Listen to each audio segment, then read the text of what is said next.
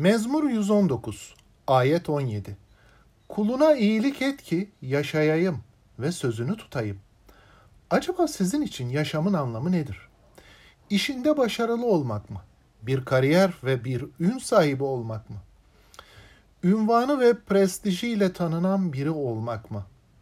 İstediği arabayı ya da evi satın alabilmek mi? Veya bunların hepsine birden sahip olabilmek mi? Güç ve iktidar sahibi olabilmek. Hedefler çok değişebilir ve bunlara daha uzun bir liste yapabilirsiniz. Aile sahibi olmak, belki çocuk sahibi olmak, onları en iyi şekilde yetiştirmek. Bütün bunları uzatabilirsiniz listenizde. Ancak bu şeyleri elde ettiğiniz anda mutluluğu o an için elde etmiş olursunuz dikkat ederseniz. Ama bunların hepsi sonraki günler boyunca ya da siz ölene kadar sizi mutlu etmeye yetmez. Varlığın ve bilginin çokluğu birçok zamanda yanında kaygıları da getirir çünkü. Böylece bu listedeki şeylerin insan ömrü kadar kısa olduğunu, geçici olduğunu iyi gözlemlememiz gerekir. Mezmurcunun buradaki dileğine bakın, duasına bakın. Dünyanın ötesine geçen şeyler istiyor. Tanrım diyor bana sen iyilik et ve yaşam ver. Tanrı'dan iyilik ve yaşam istiyor. Neden?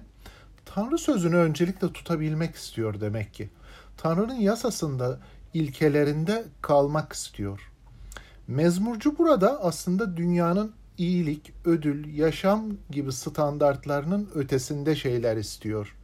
Mezmurcunun burada bereket istediği çok açık yaşayabildiği bütün günlerde Tanrı sözündeki bereketlere göre yaşamak istiyor. Çünkü bu iyilik ve yaşam Rabbin kelamından, sözünden gelecektir. Günah işleyip ölümü hak eden insana Tanrı halen yaşam veriyor. Tanrı aslında ne kadar merhametli düşünebiliyor musunuz? Adem'e şöyle demişti Rab Adem bahçesindeyken. Bu ağaçtan yediğin gün kesinlikle ölürsün. Böylelikle atamız ölümü hak etmiş olduğu halde Rab ona bir süre daha yaşaması için zaman tanıyaraktan tövbe için lütfunu göstermiş oldu. Benzer şekilde bizler de Adem ve Havva'nın itaatsizliğine bakıp yaşam ve nefes veren Rabbe e, her gün şükranla tam bir yürekle adanmışlıkla Rab bana iyilik ve yaşam ver Mesih'in düşüncesindeki iyiliği ve Mesih'in düşüncesindeki yaşamı edineyim diye her gün bu duayı Rab'de, Rabbin önüne getirmemiz gerekir.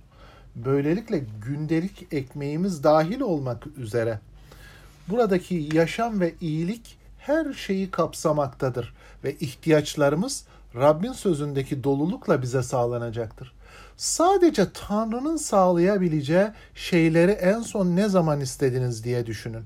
Çünkü ün, para, bazen başka şeyleri insanlar birbirleriyle yardımlaşarak da sağlayabiliyor ama bütün bunların tadını çıkarmamız için bize yaşam ve nefes veren, güç veren Rabbi en son ne zaman düşündünüz? Sadece bütün bunlara Tanrı'da sahip olmanın sizde getireceği doygunluğu bir an için hayal edin. Tanrı'dan dileyeceğiniz şeyler yanında ona sunmanız gereken bir itaatiniz olduğunu düşünüp ne zaman hatırladınız bunu? Geriye dönük olarak baktığınızda sahip olmayı en çok istediğiniz şeyler nelerdi? Bunların listesini yaptığınızda mezmurcunun listesiyle nasıl örtüşüyor mu veya zıtlık mı teşkil ediyor?